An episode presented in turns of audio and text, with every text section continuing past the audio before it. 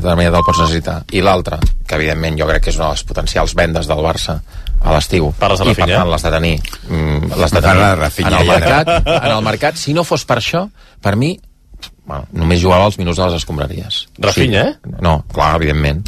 Lamin titular sempre. Sí, és a dir, el- hi ha una diferència brutal en dos aspectes que no surten a les estadístiques en general, que són sensacions perquè el futbol, o sigui, hem incorporat l'estadística perquè ho hem de fer i perquè hi ha molts clubs que treballen amb estadístiques, amb el Big Data, d'acord, perfecte, però com deia Johan Cruyff, m'entens? Eh, I parlava de Romario, Romario igual tocava tres pilotes cada partit i et marcava les diferències. O sigui, el futbol és un esport gens estadístic. Eh?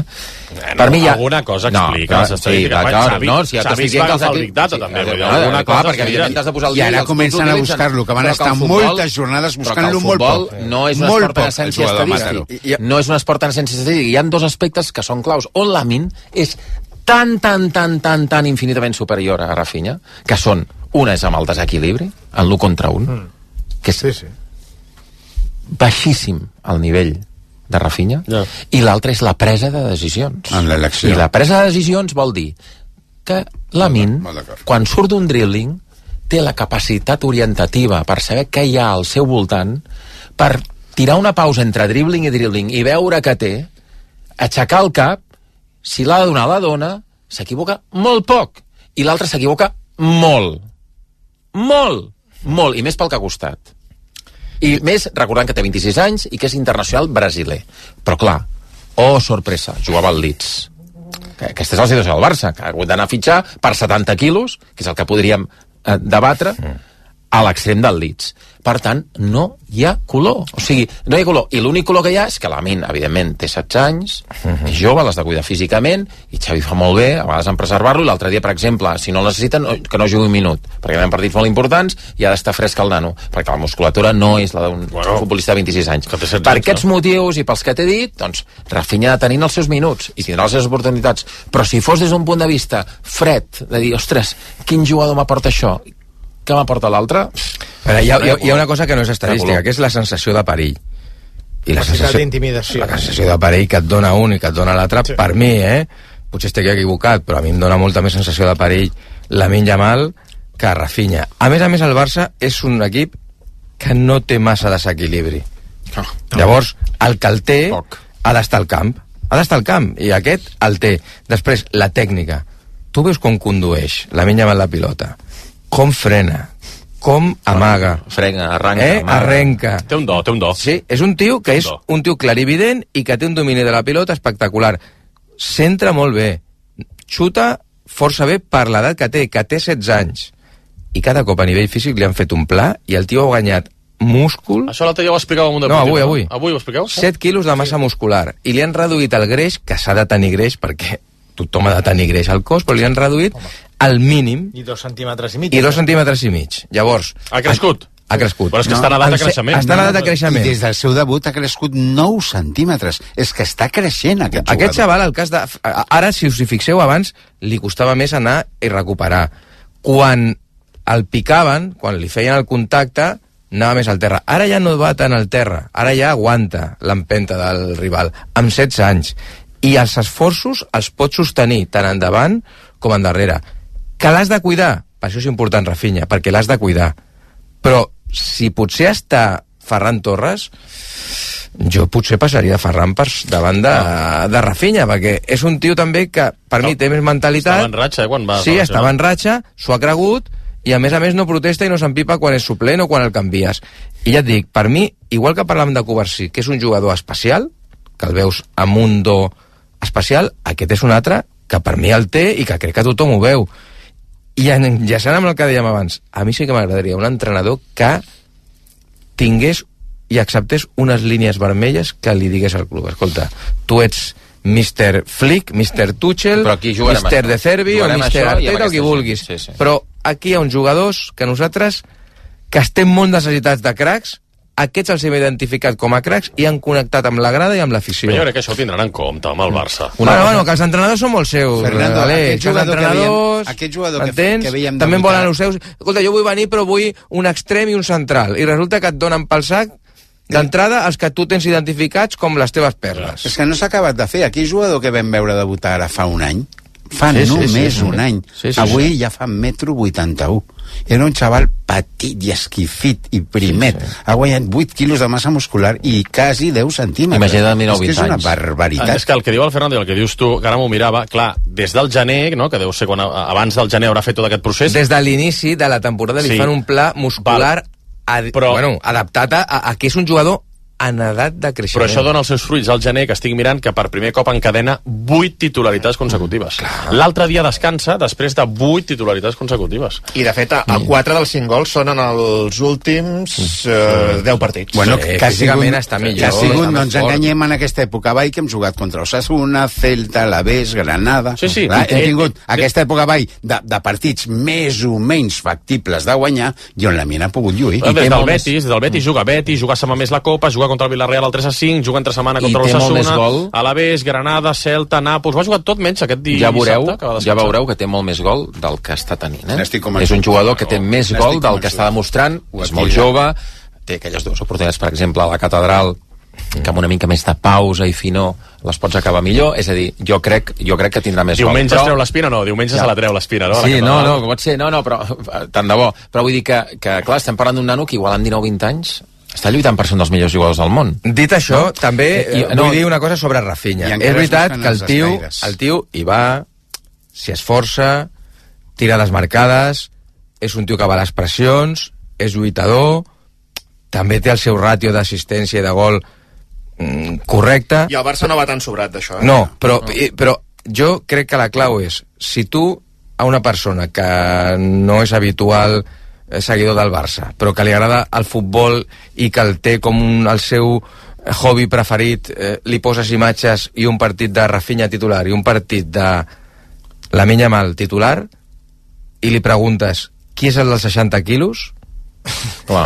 jo crec que et diuen Clar, clar. què, és, que- què és el que t'ha sortit gratis eh, jo la- la- llavors jo crec que aquí ja està el debat L'altre dia vam veure l'altre dia vam veure el millor i el pitjor de Rafinha. Per exemple, les ruptures que fa Rafinha l'altre dia a Camp Obert, Sí, molt que defensa tan avançada Sí, sí, Getafe, molt intel·ligents, les fa molt bé Sí. i les fa amb una potència que segurament ara la Minya Mal no les pot fer. Són, són, són ruptures de 25-30 I fa metres, gent que molta potència. també. I per tant, l'elecció de Xavi aquell dia és correcta. Eh, però també vam veure el pitjor no? com acaben moltes de les accions. Joao Hi ha dues accions, que acaba una, l'acaba definint molt malament amb la dreta, amb la seva cama dolenta, i l'altra, la passada de Joao Fèlix. Sí, sí. És increïble que un jugador professional no pugui atinar aquella passada. Però també vull dir una cosa, aquest escenari que l'altre dia vam resoldre en Rafinha, quantes vegades se'l trobarà al Barça? Quantes vegades poc, jugarà el Barça contra equips que li fotin la defensa tan avançada i que tinguin tants Sí. metres a l'esquena per poder córrer? És difícil. Molt pocs. La majoria són escenaris amb 30 metres, amb rivals en bloc baix, que pràcticament necessites desequilibri i inventar-te accions amb un metre quadrat. I aquí Rafinha, doncs, evidentment, eh, es veu molt disminuït. Dintre de les grans davanteres de la història del Barça, un jugador, no, no, no de 16 anys i que es digui la Yamal, però un jugador del prototip de la Yamal te'l creus. Dius, escolta, aquest està a l'alçada de les davanteres d'aquelles que han fet coses potents i importants. El Rafinha i el Ferran, ho sento molt, com a titulars, com a titulars, És que- no, no, no, no, no te'ls que estic veient- estic I veient. el meu dubte, i vull que el dubte, la resposta sigui en positiu, és si el Vitor Roque, que també suposa una inversió potent, també està a l'alçada d'això. Ha de I millorar, tant de bo, eh? Ha de millorar una mica la pulcritud en els controls, com ja hem És vist. jove, també. I en el toc de pilota, és jove. però, és un jugador que et donarà. I, i se'l veu desorientat encara, encara Clar. no. M'agrada molt, m'agrada molt no la ruptura i amb, La, la Minya Mal, espais, sí. 39 partits ha participat aquesta temporada. Ha participat en... És una anomalia. No, no, en 30... Espera, que ho tinc aquí. En 36, 35 de 38. 35 de 38 Es partits perd en els 16 dos de sanció de la Copa i el de l'altre dia és el primer que no juga. O sigui, de, dels que ha estat disponible... No va jugar ni un minut. L'altre dia és el primer que no juga. No trobaríem un cas Reservat per Sant Mamés. semblant, eh? Això és viure... Ah, va, a mi en em sortien del 39 sumant els d'Espanya, que ha anat també amb Espanya. Va, el, Bar Va, amb el Barça són 35. no són conscients aquests nanos ni de la, 35. de la velocitat a la que, ju a, a, la, a la que els hi va la vida. Que és que, 16 anys. és que jo crec que 35 de 38 És que aquest any, jo crec que 16 aquest any és la gran... És que- O sigui, la gran troballa animalada. d'aquesta temporada tan, de tant patiment i, i bueno, que la gent ho ha passat fatal i tan irregular home, veure Coversí, veure eh, la confirmació de la Minya Mal, eh, veure l'Héctor Fort, eh, home, Veure com rendeix Fermín quan Clar, surt. Fermín també, que és un jugador que llança venia- per aquest xaval. Quan surt és una meravella. Sí, Ja, però això, un equip gran i que I vol a més té arribada i, necessita i una bona sap banqueta. trepitjar l'àrea eh, i, aquesta. sí, i, sí. i es busca ocasions de gol. I Fermín és una I és molt, meravella. amb- és eh? molt ambiciós i a més a més no té por al rival eh, eh, ostres, dona Gran Barça, cara estem bé. No, estem bé, ja tocava una mica, una mica Tocava, d'alegria, per una mi mica tot d'optimisme. home, gruix de joves del que parlem, més enllà de la preocupació que representa, que esperem que es pugui resoldre bé la recuperació de Gavi, no? Sí. Que es recuperi bé, eh, tant de bo, no? Bona columna vertebral tindràs. La gran preocupació per mi ara és Pedri. Jo no veig el Pedri de fa 3 anys.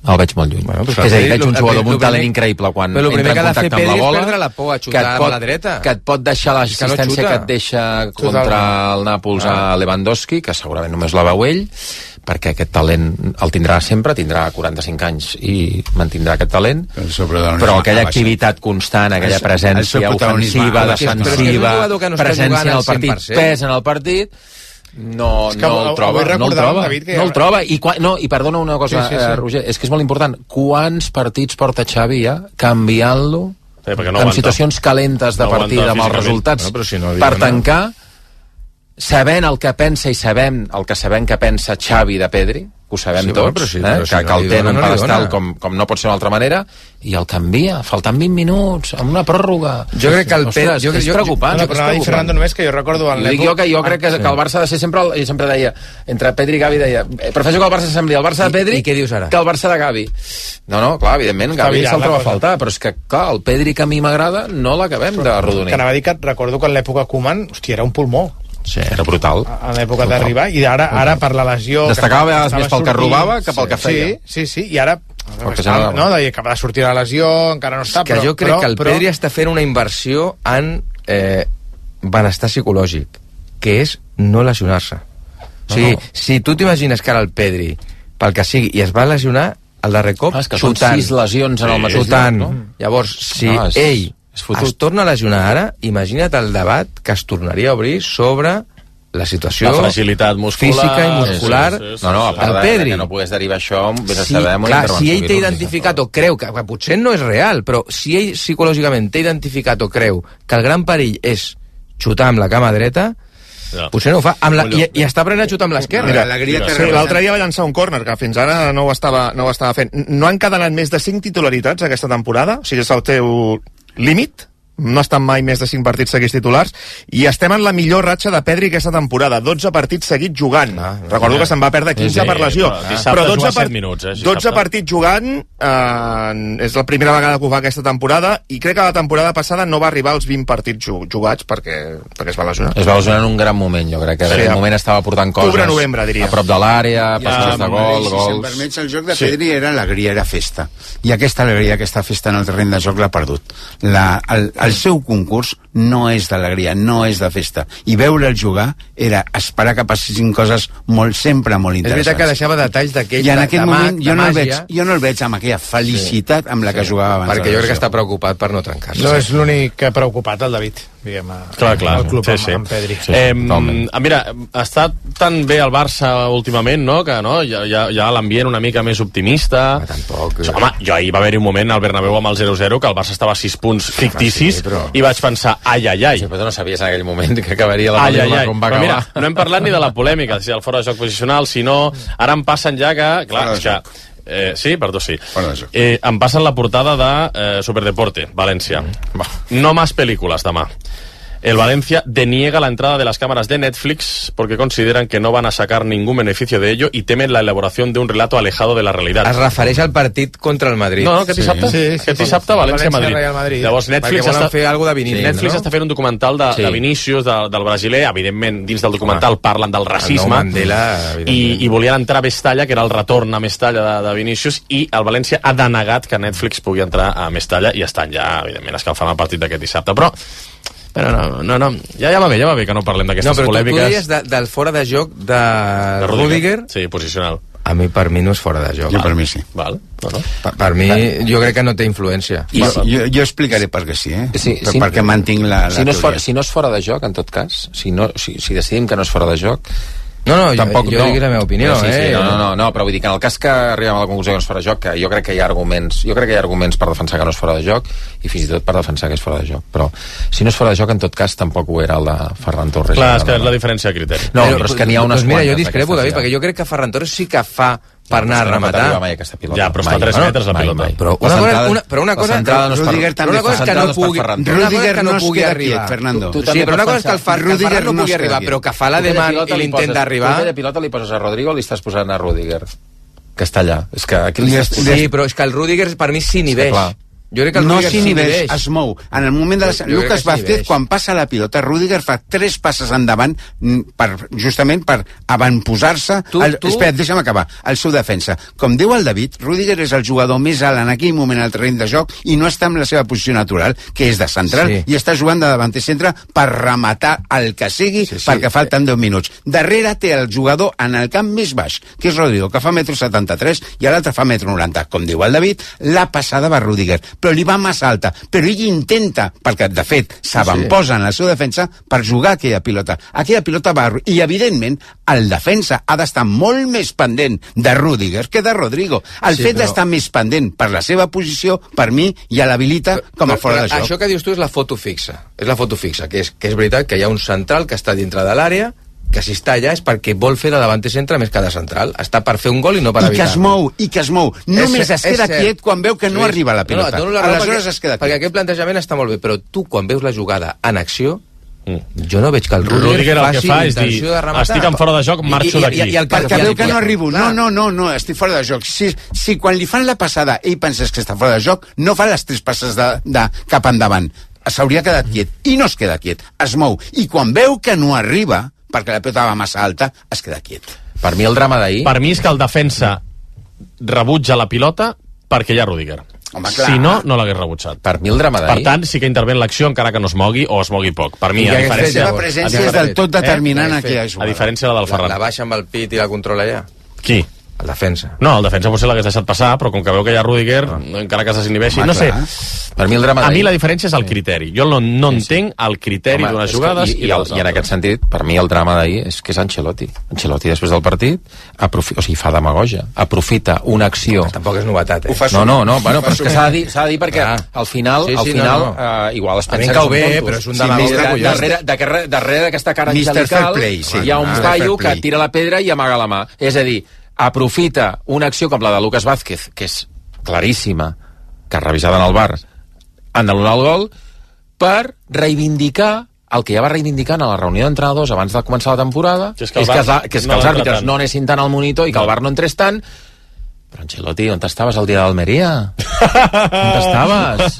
Sí on que estaves el dia Hi ha una d'Almeria? cosa- hi ha una cosa que el Madrid que el fa- dia et va semblar bé? Molt ràpid, que Hi ha no una cosa que el. Madrid Sí, que fa molt bé. No, pèl. Hi ha una cosa que el Madrid fa molt bé, sobretot a la Lliga Espanyola, potser a la Champions, eh, i com que es fa a Alemanya, arriba el Toni Kroos i diu que per ell no era, no era Sí, falta. infracció la, joc la del. Red Bull em Leipzig palmem l'altre ja amb el Jordi Basté o què fem? No, no, hem de marxeu ja, marxeu ja. No, no, però aquí, a la Lliga Espanyola, tot el que els beneficia, encara que sigui infracció, tranquil, que diran que està ben senyalat. Ja, ja, ja. Sempre. Sí, sí. Una no ho dubtis. Una última cosa. No s'agafaràs en un renunci, mai. Això ja... Sí, ho estic veient, a més a més. Eh, una última cosa. Què ha passat amb Dani Alves, Saperes, i Eh, el Barça? Doncs mira que el club té un, un apartat de, de jugadors històrics, eh, considerats històrics a, al seu lloc web. Fins al 9 de febrer un d'ells eh, era Dani Alves, hi havia 103 jugadors.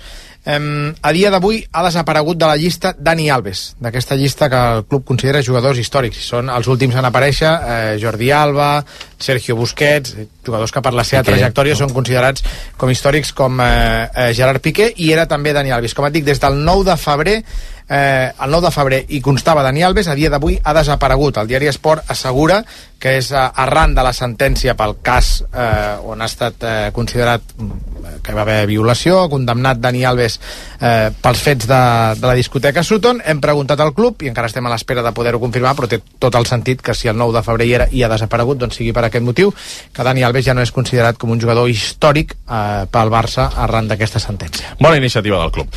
Amics, ho Sí, deixem però també aquí. També una cosa, Que estaria arriba bé, al final estaria bé dir-ho. Sí, clar. Sí, sí, estem- Sí, No sí. passa, final- res, no passa res, al final. Clar, al final, escolta, si, si, si prens aquesta decisió... retira. Sí, sí, clar. al final- dic que estem a l'espera que el club ens Clar, digui clar. Que ha desaparegut ho podem ser una llegenda que sigui per ha de comportar motiu. uns mèrits evidents al terreny de joc i, I uns- també un comportament uns valors un Una determinat fora del camp de, Totalment. de futbol. Mollo Saperes, gràcies. Que vagi bé. Bona Fins nit. demà. I el trident dels dilluns també, gràcies. Que ara ve el David Llorenç. Vinga. Ho, ho han brodat eh? un, un, un, un dilluns més, Un dilluns ho has de més. reconèixer. Saps què farem ara també? Escoltarem Ricky Rubio, que avui l'han representat amb el Barça. Ha estat molt bé, Molt bé, la roda de premsa, perquè s'ha parlat més d'ell, del treball que ha fet, de la seva persona, Sobretot el seu, els de la seva recuperació. seus 7 minuts que els he contat de speech, Sí, sí. Eh, Brutal. molt recomanable. Al final el, el que es va dir de que vindria el Barça sembla que... S'ha confirmat. Eh? Sembla que s'ha confirmat. Ricky Rubio i després al final feliç per tancar el Tu diràs d'avui. Adéu, amics. Gràcies, Lluís, eh? Vinga. RAC1 ja tens un nou concessionari oficial Jeep a l'Hospitalet de Llobregat i a Molins de Rei. Dimo Auto, molt a prop de tot i de tots. Dimo Auto t'ofereix àmplies instal·lacions on podràs veure, conèixer i provar tots els models Jeep. Dimo Auto, el teu nou concessionari oficial Jeep a l'Hospitalet i Molins. Dimoauto.com. Molt a prop de tot i de tots. Últim avís! A Fort Nicolàs, concessionari oficial, ens queden poques unitats de Ford Focus, Ford Puma i Ford Kuga a preus de liquidació. És una oportunitat única de tenir el cotxe dels teus somnis a un preu d'escàndol. Vehicles totalment equipats amb etiqueta eco i entrega immediata perquè puguis acabar el mes de febrer estrenant cotxe. Últim avís, només a Fort Nicolàs. Necessites comprar-te un cotxe? Vine a Mundiauto, disposem de més de 600 vehicles a preus excepcionals. Més de 120.000 persones ja han adquirit un vehicle a Mundiauto. Ara et toca a tu. Mundiauto, al centre comercial de l'automòbil al Prat de Llobregat. Mundiauto.com ¿Has visto la nueva Ford Courier? Es el vehículo comercial más pequeño que puede cargar hasta dos Europalets. Amb la màxima qualificació Platinum als premis Euroncap a la seguretat. Y ojo al dato, sistema de conectividad con pantalla de 8 pulgadas. La petita gran joia dels vehicles comercials de Ford és la nova Ford Courier, amb entrega immediata i 4 anys de garantia. Vehicles comercials Ford, a la xarxa de concessionaris de Catalunya. Eso es todo desde las gaunas. Saludos cordiales.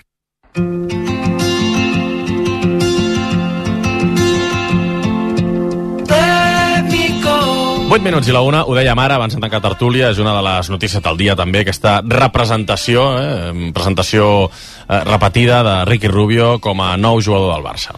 trenco aquesta bombolla, gràcies de veritat per, per respectar la privacitat i, i tornem a seguir.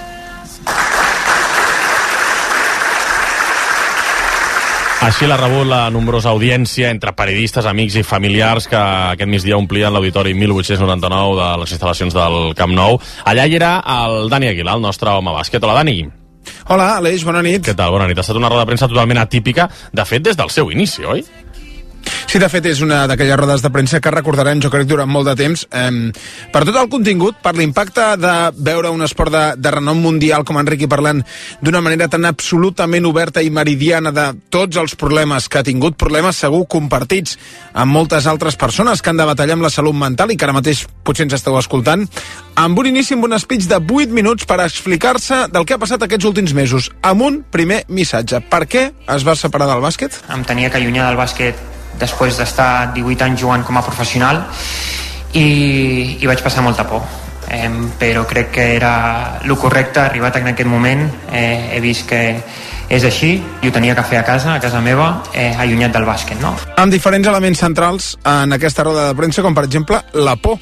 De fet, ha estat quasi bé una xerrada d'Enriqui, no tant una roda de premsa, una por que ell ha definit d'aquesta manera. El miedo es relativo, ¿no? El miedo cada uno lo sufre de una forma y a mí al final era que mm, nada me parecía bien. El, el- el jugador se comió a la persona, creo. No sabía quién era en un momento muy complicado. Me han hecho, me han hecho ver de que se puede manejar ese miedo, ¿no? Moments de foscor, moments de desorientació, però eh, orgull a l'hora d'haver treballat i ha estat valent per tal de treballar en aquest sentit. I sobre la sensació de tornar a competir, a entrenar, compte amb la comparació. ¿Has subido alguna vez al Dragon Khan? Pues más o menos así. Es una montaña rusa que ahora sí, ahora no, ahora vamos a hacerlo, pero lo más importante es que había una base muy sólida, ¿no? Y que eh, trabajaba desde unas desde unas directrices creo que estudiadas, que entender cómo funciona la mente, em, también tomándomelo como un juego, porque al final Eh, no sé si alguien se va a enfadar, però el baloncesto és un juego. Una roda de premsa plena de missatges. De fet, ha dit que ningú és Superman, que demanar ajuda és de valents consells que vol compartir amb tothom que estigui vivint una situació així i empalant al, al curtterminisme. No tant a mirar al llarg termini, sinó anar al dia a dia, a gaudir del dia a dia. Doncs d'aquelles rodes de premsa que recordarem, eh, durant temps i temps, aquesta que ens ha ofert avui Ricky Rubio, que ha desgranat tots els detalls del seu procés fins a arribar al, al dia d'avui, en què, com el 2010, se l'ha presentat al costat del president president Joan Laporta, també hi era en aquest auditori 1899, amb un contracte fins a final de temporada, recordem-ho, eh, molta gent, doncs, té ganes de, de veure Ricky somriure i molta gent té ganes de veure'l de nou competir amb el Barça, Dani. Sí, clar, i, i de fet d'això li han preguntat, l'última qüestió plantejada del Masnou a, a sala de premsa ha estat aquesta, afegint també el dubte de com es troba després de les molèsties per les quals ahir no va acabar amb la selecció espanyola. Això i saber si té previst o no tornar divendres a jugar. Sí, bueno, estem ajustant la nau, que diguem. Eh, són 6-7 mesos eh, sense jugar un partit i, i bueno, eh, pues són coses que, que passen, però re, re greu i ajustarem. Eh, bueno, eh, avui és el dia oficial que, que firmo, eh, encara estic a la disposició de, de l'estaf eh, d'entrenador per, per poder, però hi ha un pla, no? Hi ha un pla de, de, de plantilla i que jo entro a un equip on ja va rodat, on hi ha eh, uns esquemes i mirarem la millor part possible de, com i, i quan entrar, no? Clar, una resposta, Aleix, que dona a entendre pel que interpreto jo, que ell està ple rendiment per competir, però que només faltaria, no pot ser ell qui s'autoconvoqui, qui digui que jugarà, i menys tenint avui davant també Roger Grimau juntament moment amb el cos tècnic i part de la plantilla amb el capità Àlex Abrines al capdavant. Pendents a veure de si juga o no aquest divendres eh, contra el Mónaco en el retorn de l'Eurolliga al Palau. Això és el que ha dit Ricky Rubio. Hem volgut demanar l'opinió a un especialista en el món del bàsquet, com és el company de La Vanguardia, Luis Buixeras. L'arribada de Ricky Rubio al Palau suposa un salt de qualitat enorme en dos sentits eh, molt, molt importants. El primer, òbviament, amb el joc, amb el bàsquet, perquè ja l'hem vist ara jugar amb, amb Espanya, se'l veu que està bé, òbviament li falta ritme, però té les seves qualitats intactes, la seva capacitat d'assistir, és una figura que el Barça no té, un organitzador natural de joc i, i la seva arribada per l'equip de Grimau serà un salt de qualitat enorme. I també a nivell personal, dins del vestidor, que ja hi ha molt bon ambient, hi ha un nucli espanyol molt important, s'ha fitxat molts, i l'arribada de Ricky Rubio, que coneix gairebé a tothom amb les seves circumstàncies, jo crec que ha trobat l'escenari perfecte i els seus problemes bueno, estan allà, però és l'escenari perfecte per, per acabar de superar-los. Això és el que en pensa Lluís Buixeras de la Vanguardia. A veure què diu dijous. Grimau, el tècnic, en la prèvia d'aquest Barça-Mónaco de divendres, que evidentment farem en directe a RAC més Gràcies, Aguilar. N'estarem pendents. Gràcies, Aleix. Bona nit.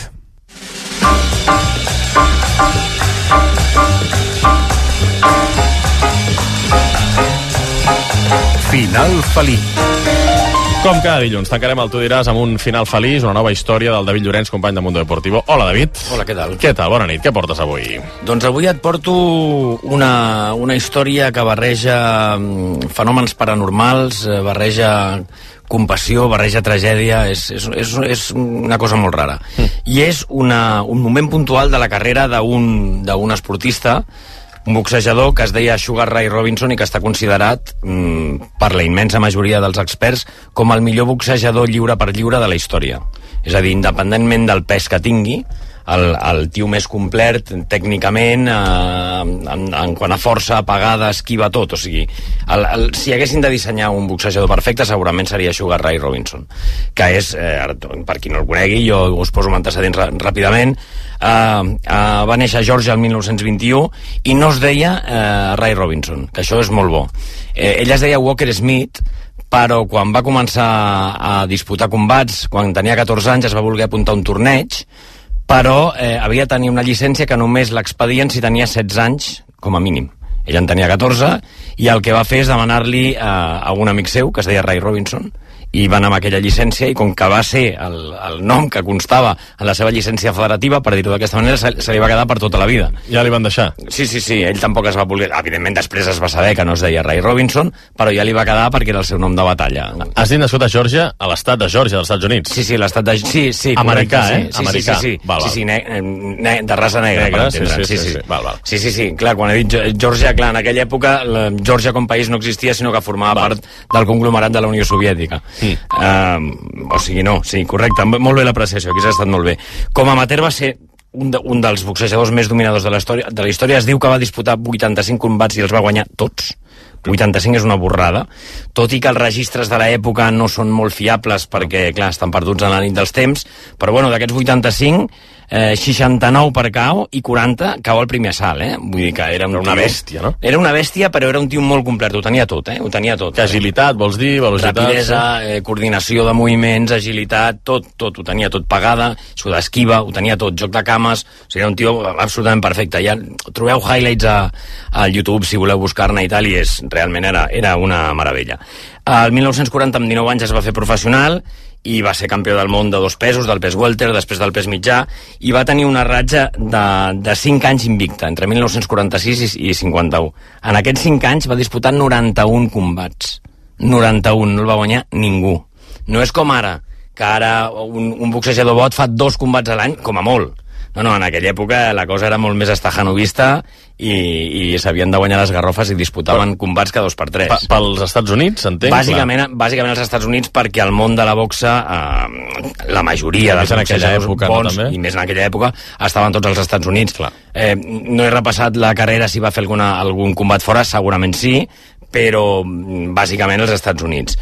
Bueno, eh, especialment recordada és la seva sèrie de sis combats contra Jack LaMotta. Jack LaMotta és el boxejador el que interpreta Robert De Niro a la pel·lícula Toro Salvaje de Martin Ah, Scorsese. sí, sí, sí, sí. Doncs bé, va fer una sèrie de sis combats tots molt descarnats contra, contra Sugar Ray Robinson, en va guanyar cinc el Robinson i només un la Mota, i, i allò, en la pel·lícula es recorda, hi ha diverses imatges, hi ha un actor que fa de Sugar Ray Robinson, etc etc. Pel·lícula memorable, molt bona, sí, sí. rodada en blanc i negre, clar, Scorsese de Niro no, no pot fallar. Bé, i el que anem, el, el que et deia, la història puntual de la, de la carrera de Sugar Ray Robinson. És un punt tèrbol, eh, has dit? Eh, Bueno, tèrbol, ja t'he dit que es barregen fenòmens paranormals, Paranormals, eh? tragèdia, Val. eh, compassió, cavallorositat, una mica, és, és una mica un compendi Ah, ah, sí? de, de tot, sí. No sé per on aniràs, però tira, tira. Mira, el juny de 1946 tenia programat un combat, eh, no era, no era un, eh, o sigui, havia- ell havia fet 4 o 5 combats sense defensar el títol, li van dir, ei, has de defensar el títol contra algú. Mira, eh, aquest noi, contra un tal Jimmy Doyle i era un, era un boxejador que no tenia sobre el paper cap possibilitat de guanyar Sugar Ray Robinson. Sugar Ray Robinson sa- sabia que era favorit i eh, quan li van comunicar que, que combatria contra Jimmy Doyle, ell es va negar a, a combatre. No volia explicar per què, finalment li van preguntar i va dir, és que he tingut un somni i en el somni el matava. Diu, pujàvem al ring i ell queia mort. I va, no, no, el tio no volia, finalment ell era molt creient, un, un pastor eh, metodista el va convèncer dient, escolta, que això només és un somni, que no passa res, que pim, que pam... Bueno, total, que el tio va pujar, va guanyar amb cau, per cau al vuitè assalt i Jimmy Doyle no es va aixecar mai més. Hòstia. Va morir poques hores després en un hospital complint eh, la premonició Per aquesta que va tenir culpa dels cops, eh? per culpa dels cops, sí. ah, evidentment, evidentment, per culpa dels cops. Clar, allò el va, el va assumir en, en un desconcert absolut i en, i en un patiment brutal, perquè, o sigui, ell no volia, no volia fer-ho, va haver-ho de fer, tal, no sé què. El cas és que algú li va explicar després que el Jimmy Doyle tenia pensat eh, destinar la borsa d'aquell combat, els diners que li, don- que li donessin per aquell combat, que evidentment no li van donar mai perquè va morir, a comprar-li una casa a la seva mare. I Sugar Ray Robinson el que va fer és que en els quatre propers combats que va disputar no va tocar ni un centau de la borsa que li van donar, els va guanyar tots. Ho va estalviar tot, la borsa d'aquells quatre combats, i es va presentar a casa de la mare i li va dir, tingui, això és per vostè, perquè es compri la casa i pugui complir el somni que, que va tenir el seu fill. Hòstia, és una història d'aquelles que dius, conyer. Bon detall, sí. Bon detall, bon detall. Més enllà d'això, Sugar Ray Robinson era un, un fenomen eh, mundial. O sigui, era, crec que el primer esportista que va tenir un equip eh, molt ampli, Professional, i molt eh? divers, Vols dir? professional. Si anava anava rodejat de diversos entrenadors, de tècnica, de velocitat, de pagada, etc. no sé què, tenia un mànager, tenia una secretària, però també tenia coses com molt friquis, portava un perruquer personal que viatjava amb ell a tot arreu. Eh, perdona, això es fa ara. Era, va ser un pioner també amb això, Sí, però- tatuador... Espera que encara hi ha més coses. Un entrenador de veu, Ah? Cuidao, eh? Per què? perquè el tio, bueno, era un, era un dandy, li agradava molt cuidar la manera amb la que parlava i, i tenia un tio que li entrenava la veu. I no només això, portava grupis que anàvem canviant cada dos per tres i tenia un nan que li feia de, de, de bufó i de mascota. Era un tio que li feia riure i tal i el portava amb ell a tot arreu. Per això, per Home, conya, que aviam, estem parlant dels anys Sí, sí, sí, 40-50. sí, sí, sí, seria impensable, sí. La, la cosa, ara és el que dius tu, no pot ser, no podria ser de cap manera, però en aquella època